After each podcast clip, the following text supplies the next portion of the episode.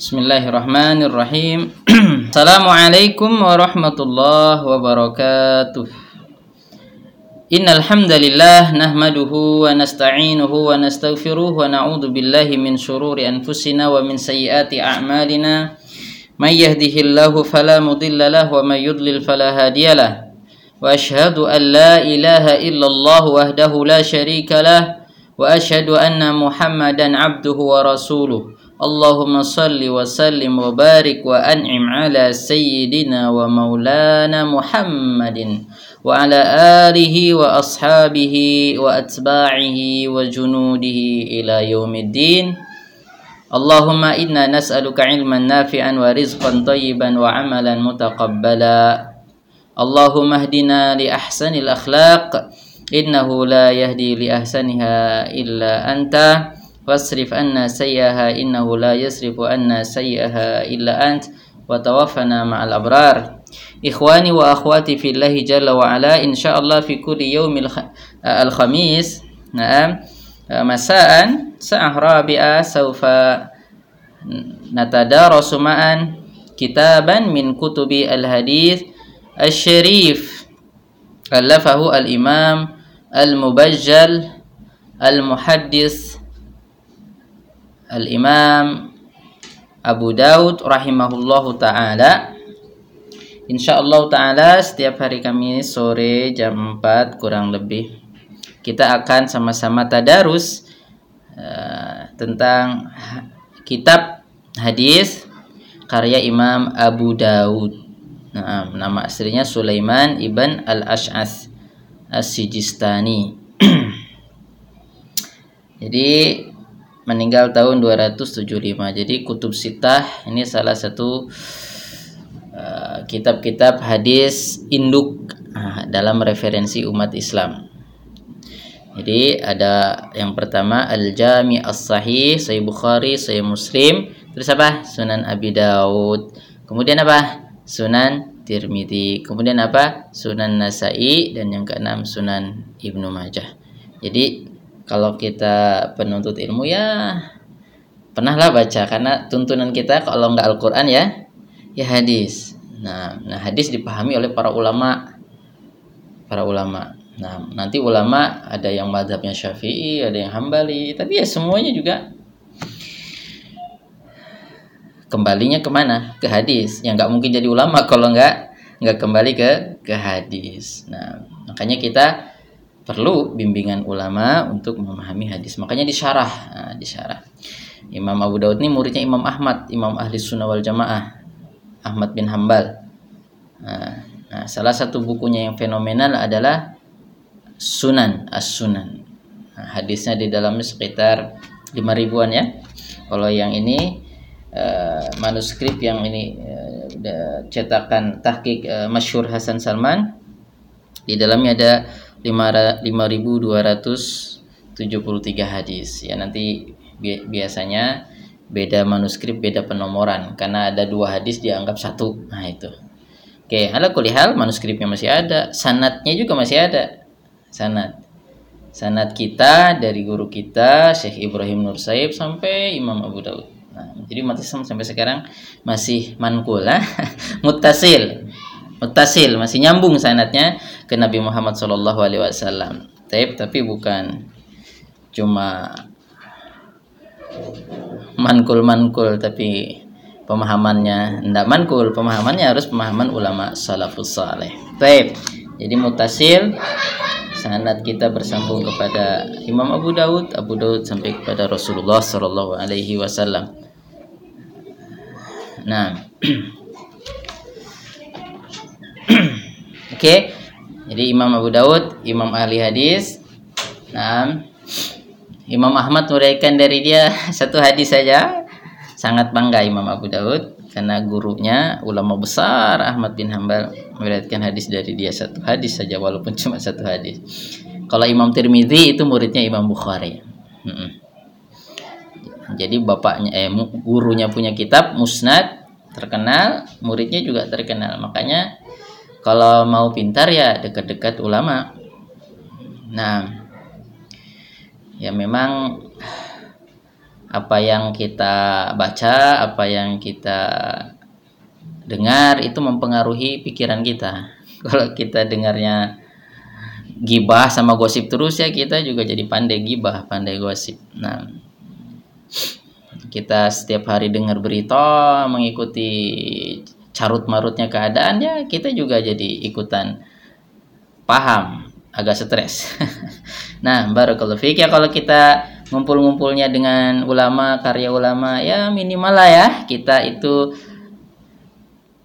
dapat barokah dari Allah Subhanahu wa taala. Jadi kalau katanya kan sebaik-baik teman itu buku. Nah, khairu al khairul jalisi kitabun. Sebaik-baik teman duduk itu buku. Nah, daripada novel ya pada novel, komik atau yang nggak bermanfaat lebih baik ya hadis-hadis Nabi Muhammad SAW minimal ketika dengar hadis dengar kata Nabi kita bersolawat kepada Nabi Muhammad SAW. Jadi nanti Sunnah Nabi Daud disyarah oleh para ulama ulama yang tidak ada berbagai madhab. Nah seperti itu. Jadi intinya sih semangatnya sama harus beragama di atas petunjuk Nabi Muhammad SAW, Al-Quran dan dan As-Sunnah. Taib. Jadi bersama kita Sunan Nabi Daud Mungkin satu saja ya Ibrahim Al-Harbi ulama hadis juga pernah mengatakan ulina li Abi Daud al-hadis kama ulina li Daud an-Nabi al-hadid. Nah, itu. Jadi Ibrahim Al-Harbi pernah berkata hadis itu ilmu hadis dan periwayatan hadis itu sudah dibuat uh, istilahnya lembek oleh Allah untuk Imam Abu Dawud. Jadi memang ahlinya gitu. Jadi udah wah udah tentang hadis, ilmu hadis itu sudah sudah dilembekkan oleh Allah, dibuat gampang oleh Allah kepada Imam Abi Dawud ini. Nah, sebagaimana Allah memberikan karunia, keahlian, kepandaian kepada Nabi Daud untuk mele, apa? melembutkan atau me, apa? melembutkan atau melelehkan atau mencetak besi ya. Jadi alana yurin itu artinya melembutkan. Jadi bisa dicetak jadi baju perang. Jadi Nabi Daud kenapa kuat di zamannya? Ya karena dia punya industri baja. Dia bisa bisa uh, membuat baju perang. Oh ma mahal kalau baju perang. Orang baju merek merek apa gitu. Aja udah mahal apalagi baju perang mahal itu. Nah jadi wajar saja Nabi Daud kuat. Karena orang Islam beriman harus kuat. Nah Imam Abu Daud kuat di dalam ilmu hadis dan dibuat pandai serta ahli di bidang hadis dan ilmu hadis. Sebagaimana Nabi Daud ahli dan pandai di bidang industri pengelolaan besi kalau ini peng yang berhubungan dengan hadis itu Imam Abu Daud. Ulina li Abi Daud al hadis kama ulina li Daud an Nabi al hadid. Itu kata siapa? Ibrahim al Harbi. Ibrahim al Harbi. Nah, nah rasa cukup itu.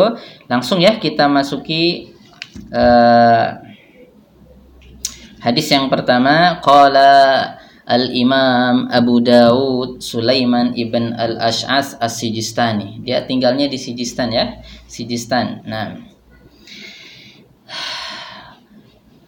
Dulu, dulu. Nah, bismillahirrahmanirrahim. Kitab Toharah. Dia mulai dengan kitab At-Toharah. Bersuci. Jadi penulis zaman dulu sudah tertib nulisnya. Jadi ada kitab, ada bab. Kitab itu tema umum besar. Nanti di bawahnya ada bab-bab. Nah, jadi lebih kecil lagi. Juga karya ilmiah banget itu. Zaman dulu udah berpikir sistematis begitu. Jadi ulama-ulama Islam itu nggak tiduran nggak santuy-santuy ung, apa ungkang-ungkang. Ya dia punya punya cita-cita yang besar. Bahkan merasa ini adalah amanah dari Rasulullah Shallallahu Alaihi Wasallam untuk menjaga Islamnya. Jadi ya nulis, nulis hidup matinya untuk nulis untuk menjaga agama Allah Subhanahu wa taala. Emang Allah sudah siapkan orang-orang yang seperti itu. Nah, ya kita berterima kasih. Kita mengucapkan Jazakumullahu khairan ya Al-Imam Abu Daud. Anna wa anil Islami. Taib. Hadis yang pertama Kitab Toharah kemudian di bawahnya babut takhalli inda qada'il hajah. Bab at-takhalli inda qada'il hajah. Bab tentang at-takhalli. Takhalli itu apa? Kita menjauh. Takhalli takhalli itu mojok, menjauh sehingga nggak kelihatan orang. Inda qada'il hajah ketika apa? Menunaikan hajat atau buang buang hajat. Hmm. Jadi itu kalau dia dalam kitab Tuharah bab ini pertama, kemudian dia membawakan beberapa hadis di dalam bab ini. Bab itu bahasa Arabnya pintu. Bab satu, bab dua. Nah, oke, okay, ini dia membawakan di dalam bab At-takhalli inda qada'il haja itu ada dua hadis. Kemudian nanti babur rajul yatabau yatabawa uli baulihi sampai kita bahas nanti. Oke, okay, kita mulai. Qala al-Imam rahimahullahu taala haddatsana Abdullah bin Maslamah al-Qa'nabi. Haddatsana Abdullah bin Maslamah al-Qa'nabi. Qala haddatsana Abdul Aziz yani ibn Muhammad an Muhammad yani ibn Amr an Abi Salamah anil Mughirah ibn Syu'bah أن النبي صلى الله عليه وسلم كان إذا Zahabal madhab ab'ada. Hadis ini dari sahabat yang mulia Al-Mughirah bin Syu'bah. Al-Mughirah bin bin Syu'bah.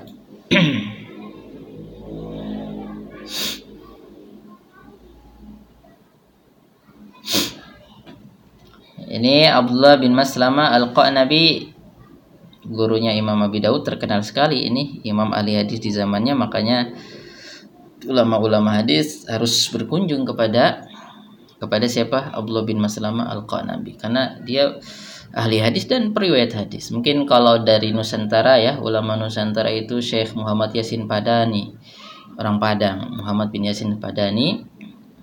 Itu orang-orang Arab dari Irak, dosen-dosen dari Irak, dari Suriah, dari mana itu kalau mau dapat sanat yang lumayan tinggi untuk abad ini ya harus ketemu sama Syekh uh, Yasin Al-Padani, Al-Padani gitu, orang Padang. Masya Allah, karena dia sungguh-sungguh nggak capek nah mengumpulkan riwayat jadi riwayat kutub dia termasuk pusat periwayatan abad-abad inilah ya udah meninggal nah jadi guru-guru kita dosen-dosen kita juga waktu di kampus di Madinah banyak juga meriwayatkan dari jalur Syekh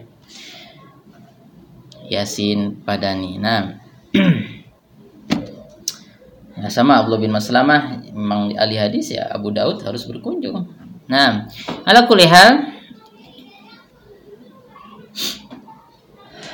Ini hadisnya dari sahabat Al-Mughirah Ibn Syu'bah radhiyallahu taala anhu.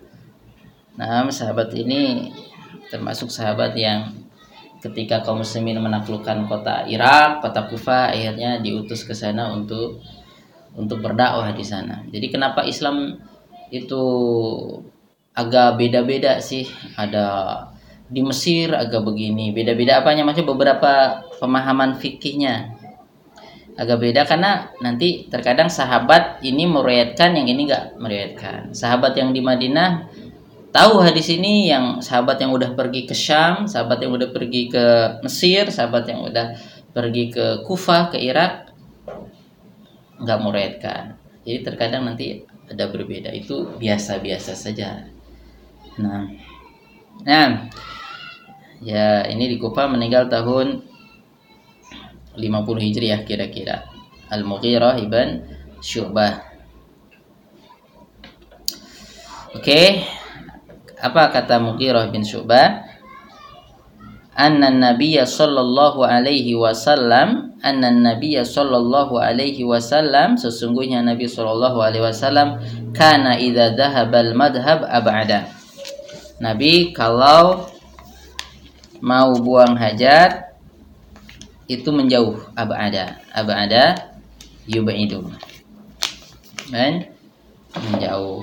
Itu adab. Ini kayaknya sepele. Tapi kadang-kadang kita sebagian umat Islam itu nggak menjauh. Nggak menjauh. Akhirnya dilihati temannya nggak ditutupin nah seperti anak kecil ya keluar rumah kencing depan rumah atau apa ada kalau udah balik udah besar ya satu harus punya malu. Yang pertama supaya nggak kelihatan auratnya. Karena Islam itu sangat menjaga kehormatan seorang. Jangan dibuat malu sendiri nggak pakai celana. Hah? atau pakai celana tapi Hah? kelihatan auratnya. Sekarang perempuan pada pakai celana niru laki-laki ya.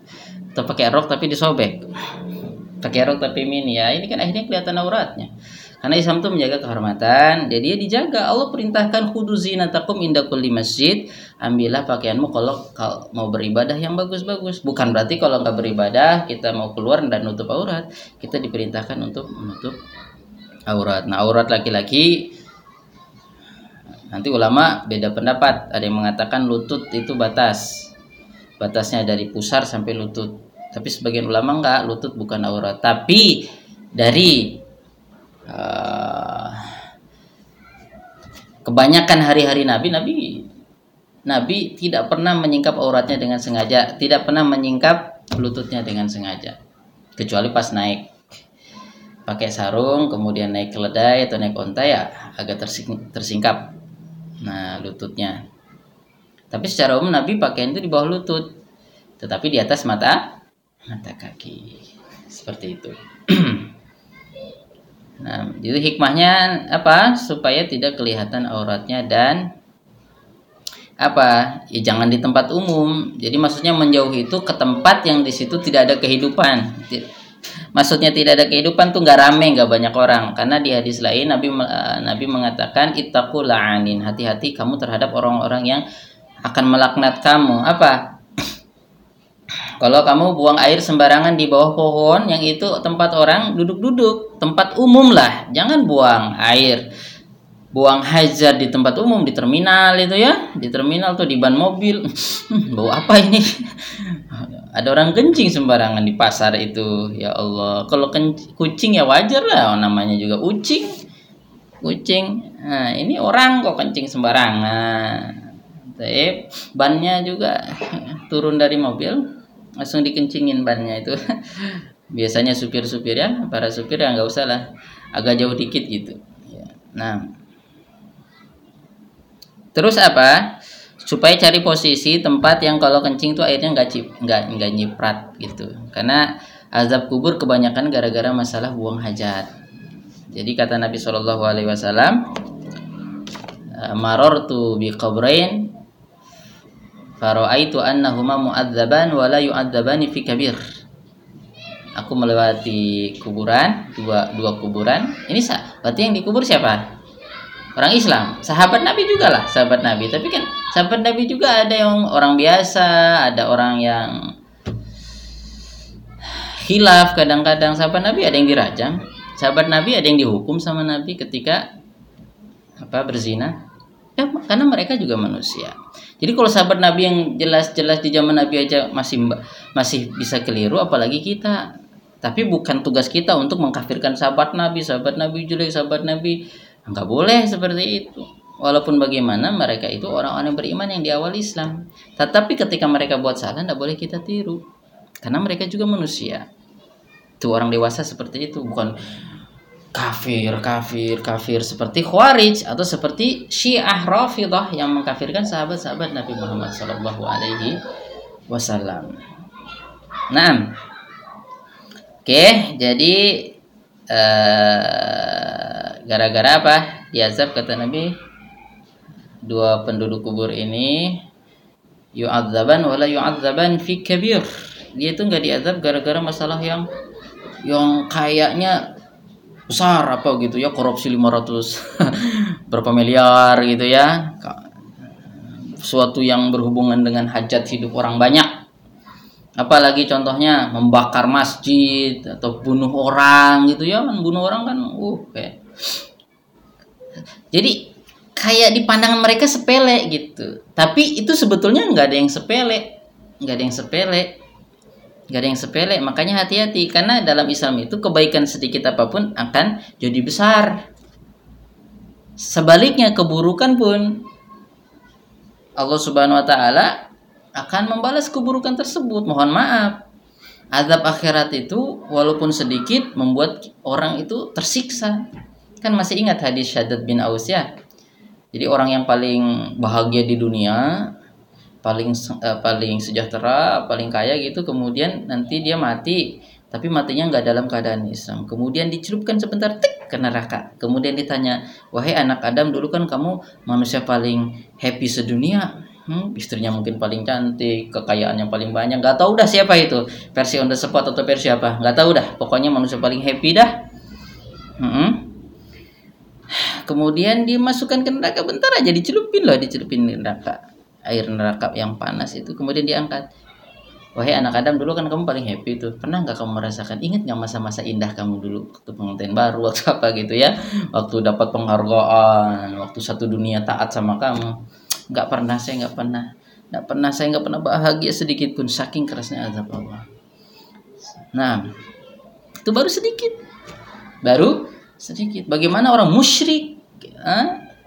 Ya, ini bagaimana yang musyrik nanti ini orang musyrik kalau kalau lama-lama di neraka selama-lamanya bagaimana? Bagaimana? Taib, oke ya itu. Jadi masalah buang hajat itu jangan disepelekan walaupun kata Nabi e, itu bukan suatu yang besar menurut orang, tapi dalam Islam itu hati-hati. Akhirnya dia menyepelekan cur gitu aja sembarangan ya. Nah, dalam Islam ada adab-adabnya jangan di tempat umum, jangan di tempat uh, air yang tidak mengalir seperti itu. Jadi intinya tidak menyakiti manusia yang lain juga kalau dan tidak menyakiti binatang. Nabi melarang kita kencing di lubang yang ada semutnya. Nah, nanti semutnya kan kasihan ini ada zat apa ini ada asam amino apa kecut-kecut gini katanya. Hmm, boleh kita mendolimi, membakar semut nggak boleh. Ha, membanjiri semut dengan air kencing kita nggak boleh. Ya, kita juga harus menghormati lingkungan. Seperti itu. Masya Allah sempurnanya sempurnanya Islam. Jadi itu diazab gara-gara buang hajat sembarangan. Kata Nabi wa amma al akhir fayamshi bin namimah satunya karena suka namimah. Namimah itu apa sih? Ngadu domba. Ngadu domba. Tuh ngadu domba. Ini dipanas-panasin begini. Kelompok ini eh, apalah pengikut ini. Ini dipanas-panasin begini. Akhirnya apa? Ketika mereka pukul-pukulan yang untung siapa? Dia. Seperti itu. Jadi senang kalau melihat saudaranya musuh-musuhan. Kita nggak senang melihat kaum muslimin kelahi itu nggak senang harus nggak senang pokoknya walaupun bagaimana selama dia masih Islam harus kita damaikan. Fa aslihu baina akhwaikum damaikan walaupun bagaimana karena dia masih saudara se seiman Bukan kita senang dengan keterjatuhan saudara kita di dalam satu kesalahan atau kesesatan. Jadi niat orang yang menjelaskan kesalahan-kesalahan kaum muslim itu bukan orangnya. Bukan kita benci sama orangnya, justru karena sayangnya kita kita ingatkan, ojo ngono, jangan lakukan itu. Ya tapi terkadang memang nih kita yang nyampaikan tuh hawa nafsu. Kita demi demi kepentingan kita. Akhirnya kita hajar, kita anu bukan karena Allah karena kenapa karena kita nggak mau kesaingan tuh kata nggak enak aja ngeliat mukanya udah sumpek aja ngeliat mukanya itu apa itu ustadz apaan nah, nah, makanya secukupnya secukupnya nah jadi intinya itu dikembalikan kepada pribadi masing-masing yang harus berhati-hati. Nah nah ya kita juga mungkin sudah banyak sekali kelirunya ya kita istighfar. Nah Taib barakallahu fikum. Uh, jadi itu satunya suka namimah. Namimah itu aduh sekarang namimah. Suatu yang yang yang besar. Dua peradaban suruh perang. Nanti perang harus perlu senjata. Senjatanya beli sama gua nah itu kalau orang kafir nggak kerjanya memang begitu. Tapi orang Islam kalau ngikut ngikutin begitu suka suka kita berantem sesama sesama muslim bahaya. Memang jadi orang Islamnya juga yang betul. Jangan orang kafir dibantu. Jangan kalau orang kafir di sembah-sembah kenapa? Karena udah ngasih kita duit sudah kita ngasih kita kerjaan. Tidak boleh begitu. Tetap wala dan baro loyalitas kita kepada kaum muslimin itu nomor satu. Orang Islam itu bersaudara. Persaudaraan sesama Islam itu lebih kuat daripada persaudaraan nasab. Nabi Muhammad SAW harus berhadapan dengan pamannya sendiri. Abu Lahbin. Kenapa? Karena Abu Lahbin mengejek Nabi Muhammad. Menyerang Nabi Muhammad. Tapi Nabi Muhammad apa harus ah paman gua. Harus sayang lah. Enggak. Kalau salah tetap tetap salah. Bahkan di zaman Nabi ketika Nabi menyerukan Islam akhirnya berpisah suami istri. Ada yang suaminya beriman akhirnya ngikut Nabi Muhammad istrinya ditinggal karena nggak beriman. Seperti itu. Atau sebaliknya. Makanya Nabi Muhammad diisukan di zaman itu tukang sihir tukang pelet. Tukang pelet, tukang hipnotis, kok bisa suami istri itu cerai ngikutin ajaran Muhammad Shallallahu Alaihi Wasallam. Jadi Muhammad itu kata-katanya indah. Ya itu itu itu versi mereka, versi mereka. Padahal yang suka pakai sihir, pakai dukun, pakai mantra-mantra, jampi-jampi yang nggak jelas itu mereka. Biasa mereka pakai sihir-sihir. Nabi Muhammad justru mengharamkan sihir, termasuk tujuh perkara yang membinasakan sabah sab al mubikot tujuh perkara yang membinasakan asyirku kemudian apa wasihru nah salah satunya syirik kemudian sihir. Karena sihir bisa musyrik pelakunya. Ala kuliah uh, ikhwani wa akhwati fillah jalla wa ala itu ya. Uh, jadi diazab gara-gara itu nama kemudian gara-gara yang satunya kencing sembarangan fa wa amma wa amal akhar fala yastatiru minal baul. Yang satunya itu diazab karena nggak nggak nggak menutup diri ketika ketika kencing. Kata para ulama maksud layas tatiru minal baul itu layat taki jadi nggak hati-hati sehingga apa namanya dia sembarangan aja sehingga air kencingnya memercik kembali ke tubuhnya atau ke ke pakaiannya. Nanti kan kalau sholat jadi nggak sah. Itu yang pertama. Atau atau nggak punya rasa malu sehingga kelihatan auratnya. Tapi alhamdulillah kalau ini kayaknya kayaknya ya kaum muslimin masih walaupun samping-sampingan tidak kelihatan ya kalau di bandara di mana itu. Ya di sini kencing di sini kencing tapi kan ada sedikit itulah. Jangan di, di dilihat. Nah itu itu insya Allah lah karena terpaksa ya gimana lagi. Tapi kalau bisa ya cari yang tertutup sana tunggu dulu.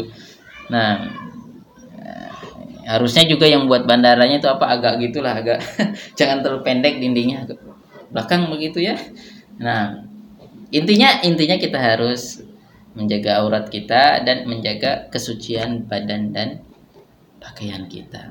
Nah itu ya jadi menjauh supaya nggak kelihatan. Malu malu malu kan? Kita lagi jongkok kelihatan aja kan malu tapi orang kalau udah nggak ada rasa malunya kan itu apa? Kalau orang pada laman kan kencing di masjid bahkan cur dilihatin orang.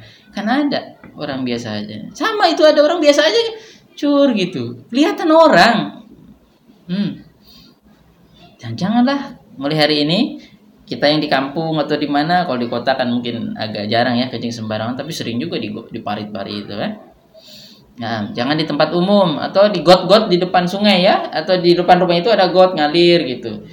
Nah, tapi airnya itu ngalirnya nggak terlalu anu. Oke ngalir, tapi kan di sana di kita tahu di di hilir sana itu ada orang lagi nyuci. Ya kalau kita buang aja di situ, jelas itu kan termasuk tempat umum kalau itu sering dipakai sama orang. Nanti orang pas lagi nyuci atau pas lagi mandi kok tiba-tiba ada ada benda asing ini kan tidak boleh kita nyakiti orang. Nah ini mohon karena sebagian sebagian kayaknya masih bermudah-mudahan masalah buang hajat nah kelihatan sampai kelihatan orang bahkan auratnya kelihatan orang santuy-santuy saja nah ini mohon kita ajarkan nih ke anak-anak kita ini. Guru-guru di SD itu kalau dulu itu WC-nya hanya untuk gurunya doang. Muridnya belajar dari pagi sampai jam 12 ya pas mau kencing nggak tahu urusan sendiri nggak pernah diarahkan. Nah harus pakai air. Kalau nggak ada air boleh istijmar pakai batu atau pakai tisu. Udah akhirnya ke kebun ke mana? Kebun di kampung-kampung itu. Ya mohon nih guru-guru ya guru-guru guru fisika guru agama semua ini toharo itu masalah penting. Itu kita mau beribadah itu harus suci. Hidup kita kan ibadah bukan main bola doang atau main futsal toh bukan. Jadi mohon nih diajarkan ke adik-adik kita kalau buang hajat harus e, di tempat yang tertutup. Jangan kelihatan orang jangan di tempat umum. Kemudian e, harus jangan sampai najisnya itu kena kena tubuh. Kemudian harus di di beristinja disucikan bekas e, tempat yang di situ e, kotoran keluar.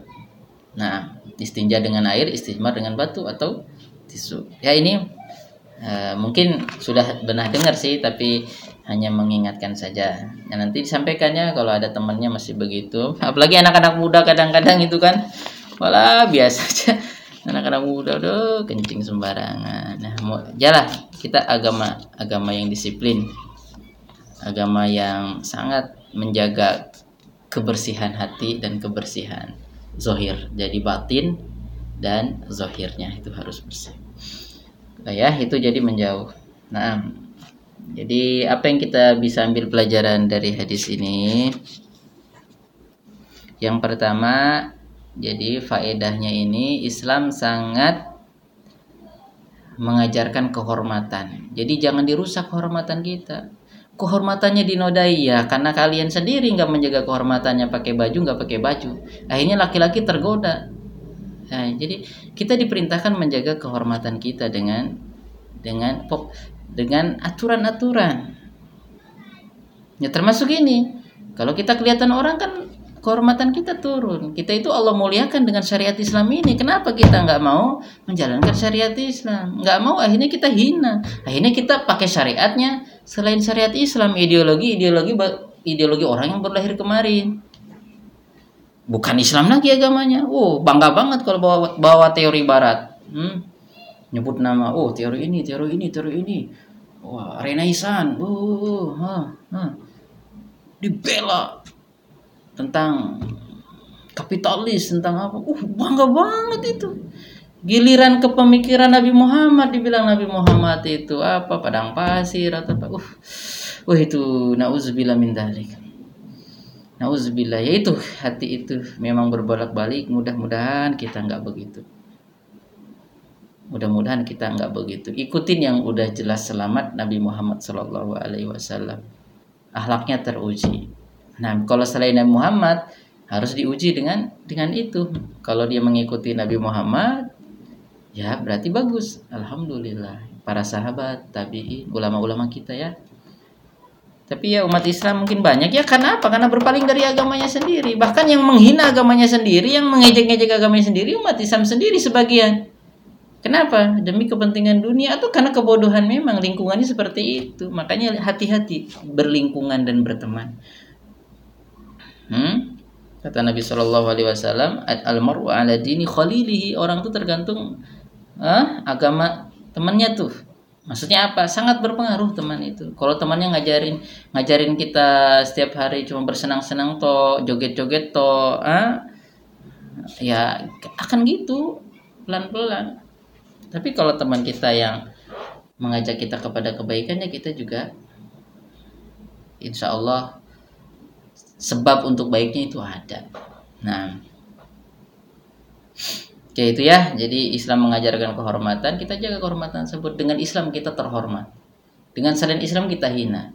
Sama Umar Khattab tuh siapa yang mau pakai dia? Satu, kita mungkin nggak kenal Umar bin Khattab. Hmm? Islam pun nggak akan mengangkat Umar bin Khattab kalau dia nggak masuk Islam dan nggak menegakkan syariat Islam.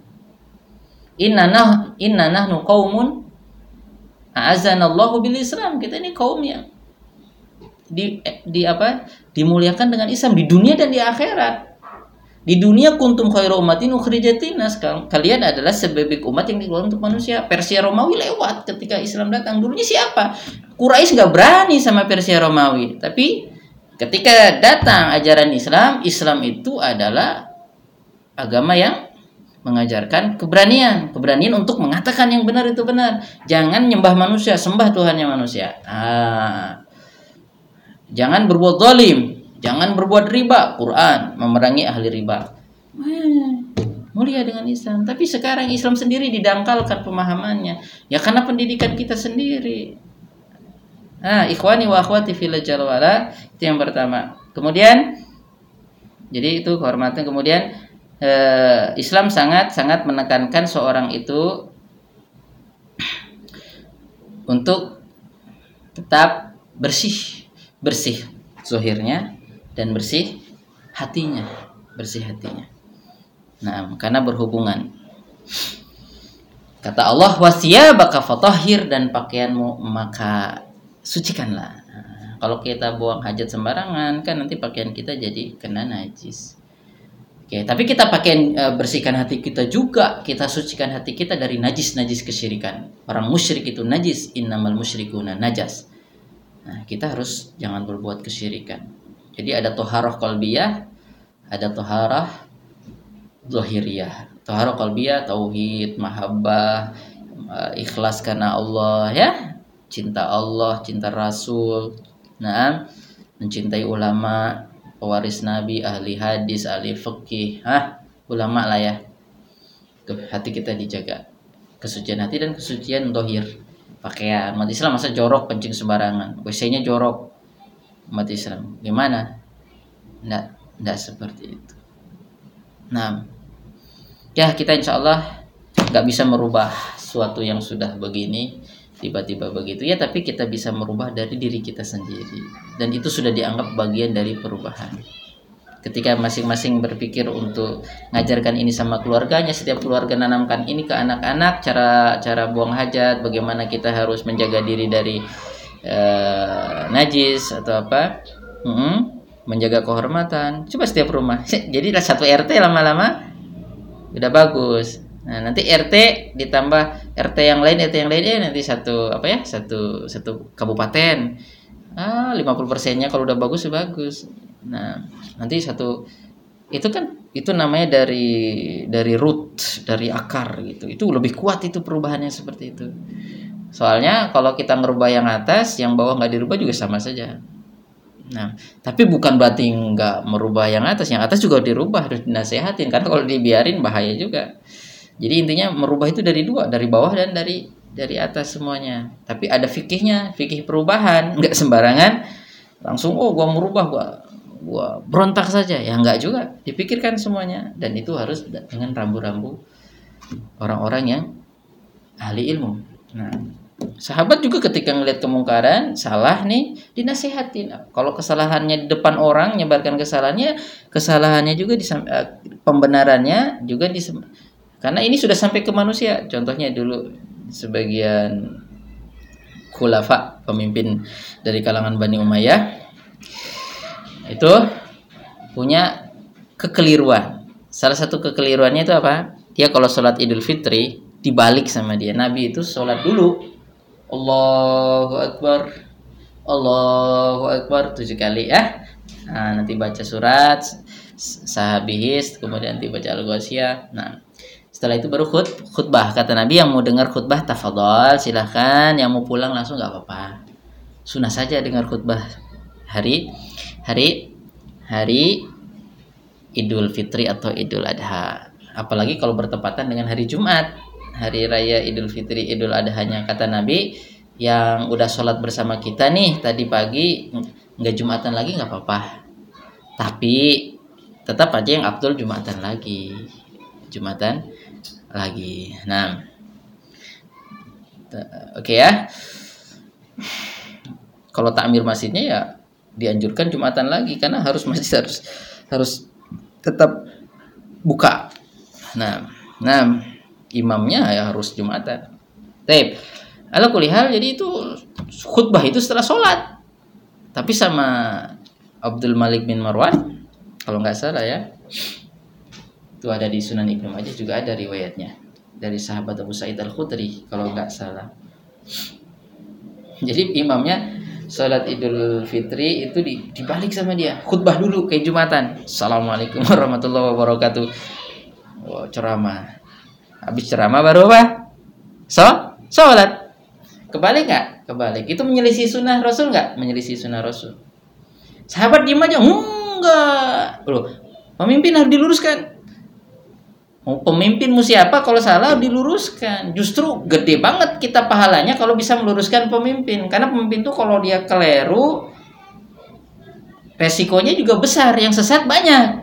Tapi kalau dia mantap di jiwa, betul, ha? Yang baik juga banyak karena besar pengaruhnya. Akhirnya apa? Ketika sang imam khalifah mau naik untuk khutbah dipegang tangannya sama seorang sahabat. Ya imam, sholat semal khutbah. Baik imam, sholat c, sholat dulu depan orang banyak itu. Imam ngapunten. Sunnah Nabi sholat dulu baru khutbah. Fakot turi kamahunalik. Udah itu dulu. Udah sekarang ini kebijakan gua, imam dia berdalil pakai imam berhak beristihad ya kalau istihadnya salah apalagi tabrakan dengan nasihat tidak boleh kita taati. Tapi bukan juga sahabat ini dasar lu pemimpin togut kafir. Ya lah. Ini orang punya kebaikan banyak. Dia orang pemimpin kaum muslimin punya keliru dalam masalah khutbah ini. Tapi dia masih menegakkan Islam, syariat Islam. Orang-orang kafir itu bergetar kalau dengar kekuatan Bani Umayyah. Islam masih mulia dengan keislamannya seperti itu. Jadi kata Nabi jangan jangan memberontak pemimpin kaum muslimin walaupun bagaimana pemimpin itu benteng kaum muslimin. Nah, ini juga disadari oleh pemimpin seperti itu. Jadi tugasnya pemimpin itu melindungi rakyat bukan apa namanya? memberikan kekayaan rakyat kepada selain kaum muslimin justru dijaga kekayaan kaum muslimin dijaga benteng musuh mau nyerang ditahan harus kuat nggak boleh ada penyusup nah, juga jangan sampai malah kita memerangi pemimpin sendiri akhirnya rusak lah akhirnya musuh gak usah repot-repot udah hancur sendiri. Nah, itu. Jadi Islam tuh sangat memperhatikan masalah dan mafsadah. Oh itu fikih sampai ke sana. Ya nggak apa-apa lah.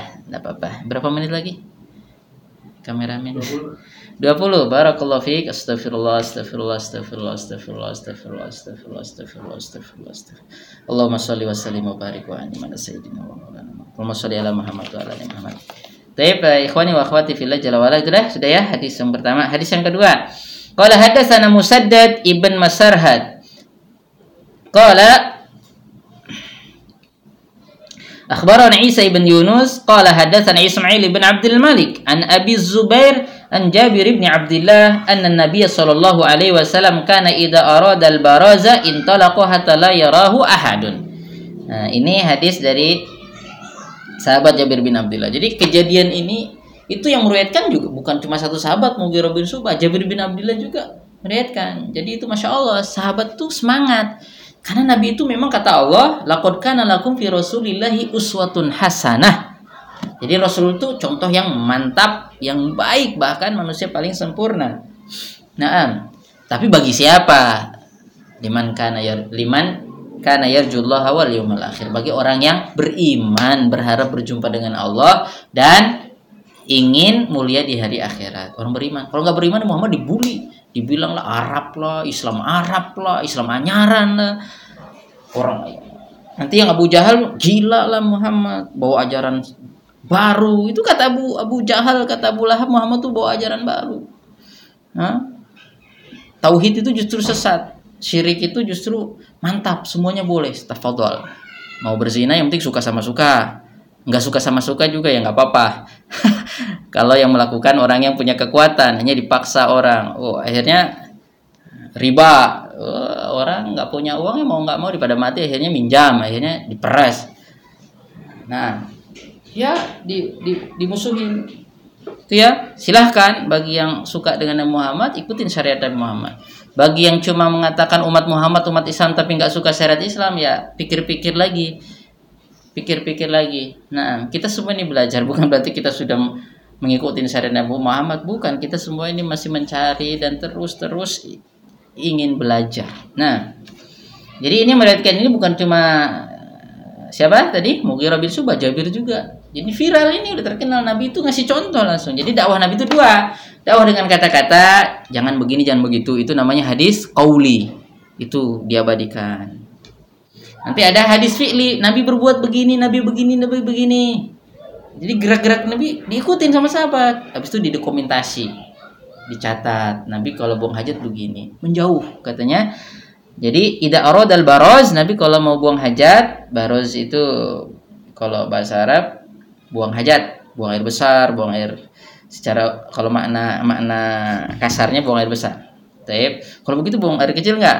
Nggak ini ter, udah termasuk. Jadi kita artikan umum. Kalau mau buang hajat apa?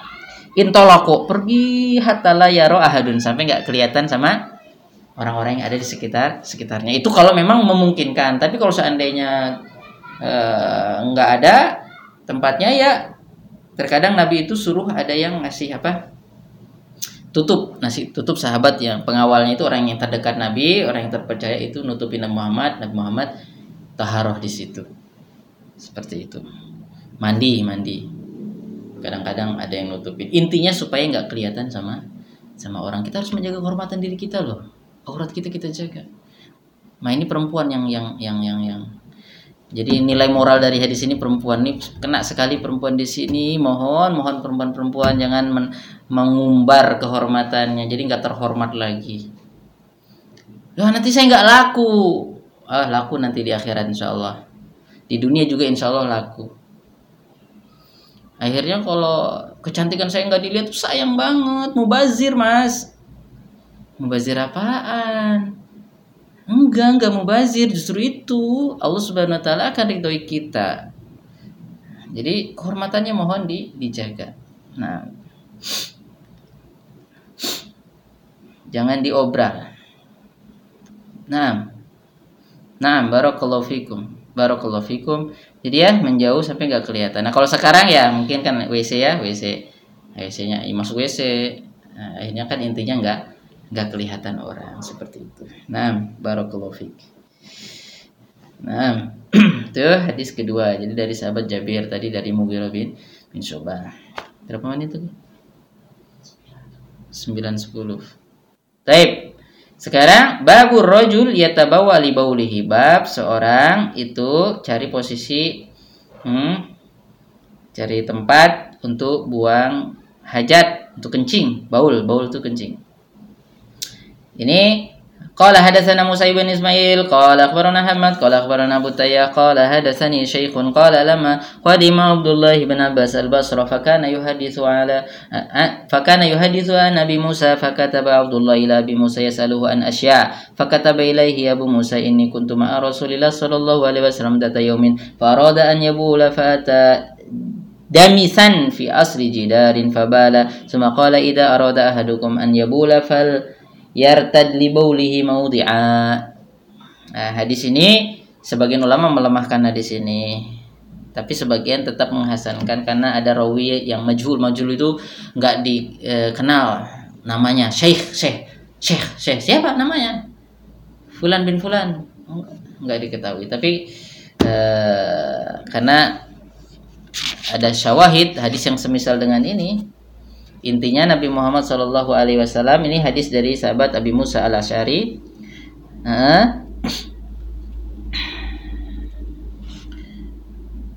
Diceritakan eh, bahwa Abdullah Abdullah ibn Abbas radhiyallahu taala anhu berkorespondensi kata Ba. Jadi dulu salah satu cara untuk memviralkan hadis itu apa dengan korespondensi surat menyurat jadi nanya Muawiyah nanya ke Aisyah pakai surat. Dulu nggak ada JNE ya udah pakai pakai kuda dulu itu.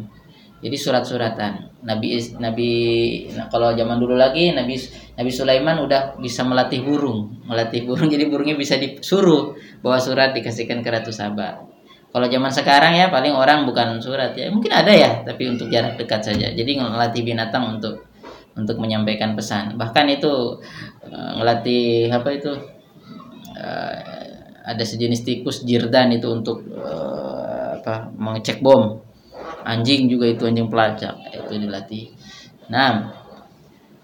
Jadi surat menyurat Abdul bin kirim surat nanya ke sahabat Abi Musa al Syari tentang beberapa perkara. Itu semangat sahabat tuh surat menyurat masalah agama. Kita surat menyurat lope-lope doang. Eh lagi ngapain surat gitu. Ya, sekali-kali surat menyurat. Nah, surat menyurat tentang permasalahan agama.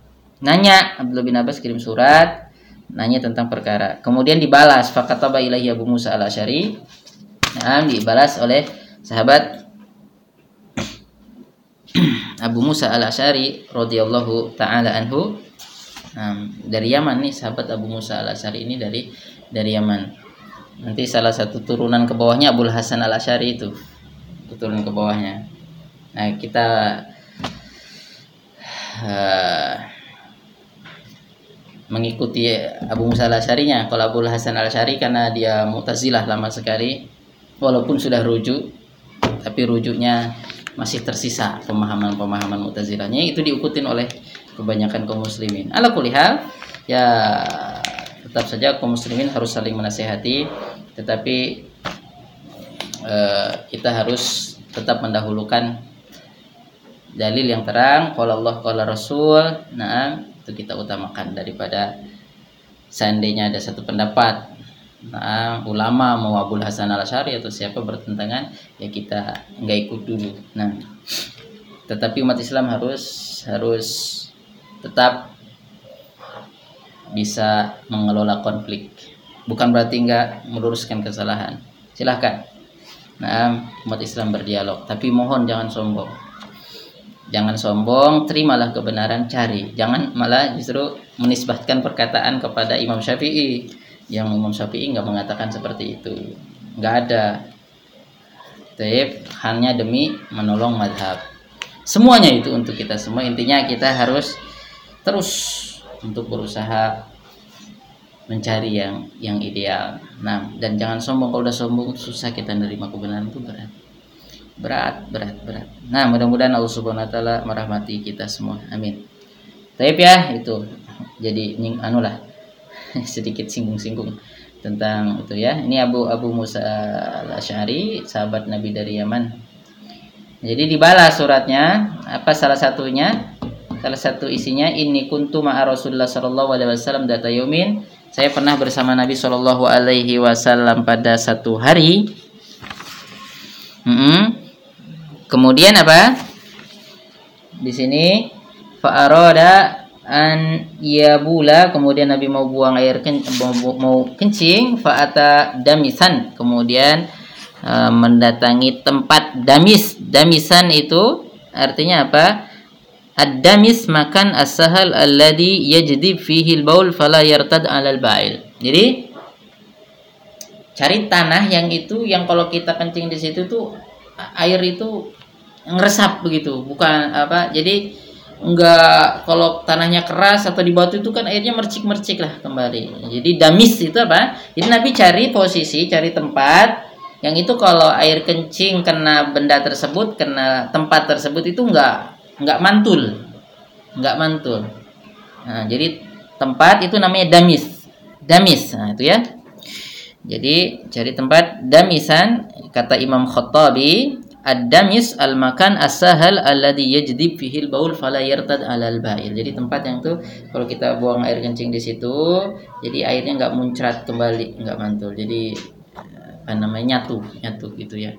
Ya memang kadang-kadang kalau kita sembarangan begitu, tak sampai kaki kita terasa itu percikan percikannya hangat-hangat gimana gitu ya. Itu hati-hati itu ya, hati-hati. Pokoknya posisinya diatur. Seandainya kena kita harus basuh harus basuh pakaiannya juga harus di dibasuh. Oke, jadi Nabi cari itu damis fa'ata damisan fi asli jidar di bawah dinding. Nah, di bawah dinding atau di, jidar itu bisa dinding bisa artinya pagar. Ya. Jadi bawah pagar yang itu eh, pokoknya intinya tempat posisi kalau air kencing kena di situ nggak nggak muncrat, nggak kembali akhirnya kena kaki kita. Atau mungkin kalau kita saking buru-burunya gitu ya akhirnya muncaratnya tinggi banget kena muka. Hangat-hangat gimana jangan sampai gitulah ya. Taib. Fabala kemudian Nabi kencing. Sumakala kemudian berkata ida aroda ahadukum an yabula kalau seandainya salah seorang dari kalian mau buang air kecil fal yartad li maka hendaknya dia uh, mencari posisi atau tempat kencing. Nah li baulihi maudhi'an itu hal sepele kayaknya. Ya, jadi ini karena ada rawi syekh majhul sebagian ulama mendaibkan riwayat ini. Tapi ingat yang harus dicatat Imam Abu Daud itu sudah punya syarat di dalam buku ini. Kalau seandainya itu hadisnya itu nggak boleh dipakai saya jelasin. Di sini eh, jadi nggak setiap hadis doib ditolak itu kaidah. Apalagi eh, apalagi kalau ulama sudah menjelaskan itu nah kenapa? Karena mana hadis ini tidak bertentangan dengan hadis-hadis yang lain. Ini juga harus dicatat nih. Harus dicatat. Contohnya ini didoibkan oleh sebagian ulama. Taib, tapi mana hadis ini benar karena doibnya tidak parah. Makanya isi hati Imam Abu Daud di bawah hadis ini. Seperti itu. Jangan disalahin ya Imam Abu Daud. Yang enggak itu kata Syekh Albani contohnya. Atau kata saya siapa? Hadis ini doif lemah. Eh tunggu dulu, tunggu dulu, tunggu dulu. Baca Bismillah sebelum wudhu, Bismillah sebelum wudhu itu hadisnya doif. Tapi para ulama tetap kata Imam Ahmad bin Hambal tidak ada yang sahih hadisnya. Tapi karena itu sesuai dengan kaidah-kaidah umum hadisnya banyak tapi dhaif akhirnya diamalkan. Baca bismillah sebelum wudhu itu hadisnya dhaif nah mohon ya jadi harus kita tambah lagi sedikit-sedikit belajar. Insyaallah taala. Jadi dhaif nanti sebagian ulama kan ada ya dhaif itu kalau dalam keutamaan saja fadhail amal kalau dalam fikih enggak enggak hatta dalam fikih walaupun dalam fikih nanti sebagian menurut ulama dhaif tapi karena dhaifnya itu sesuai dengan hadis-hadis yang lain makna yang lain kemudian ulama sudah uh, memakainya itu kita harus hati-hati nggak bisa kita bilang Abu Daud nggak paham hadis. Uh berani apa kita Imam Abu Daud muridnya Imam Ahmad? Ha tapi kalau seandainya ulama ahli hadis zaman sekarang atau zaman dulu mendoibkan ini ya nggak apa-apa juga. Itu hak dia karena peneliti dia sudah. Tapi mohon jangan kita juga salah paham. Berarti ini Imam Abu Daud bahaya ini.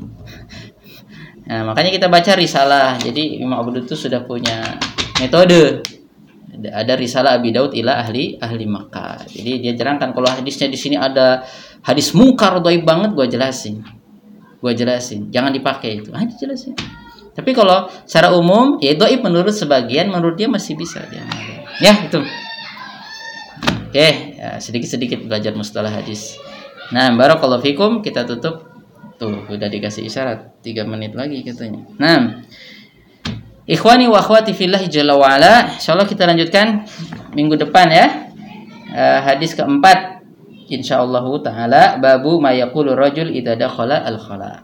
Nah, enggak apa-apa kalau seandainya ada yang mau ditanyakan juga seandainya nggak ada kerja ah, bukan nggak ada kerjaan iseng-iseng dengan terus ada yang mengganjal di hati atau saya ini keliru ya mau apa apa terima kasih kalau di, diingatkan atau mau ditanyakan ada yang mau ditanyakan tulis saja di kirim ke DM gitu. oh kirim ke DM subhanallah. Jadi intinya kita saling anu saja ya. Santai aja lah santai kita saling mengingatkan saja. Wasiat Allah kita laksanakan watawasaubi al haqqi wa tawassaw bil haqqi wa tawassaw bis sabr. Jadi saling berwasiat untuk kebenaran dan bersabar dalam memperjuangkan kebenaran tersebut. Akhiru da'wana anil hamdulillahi rabbil alamin. Wassalamualaikum warahmatullahi wabarakatuh.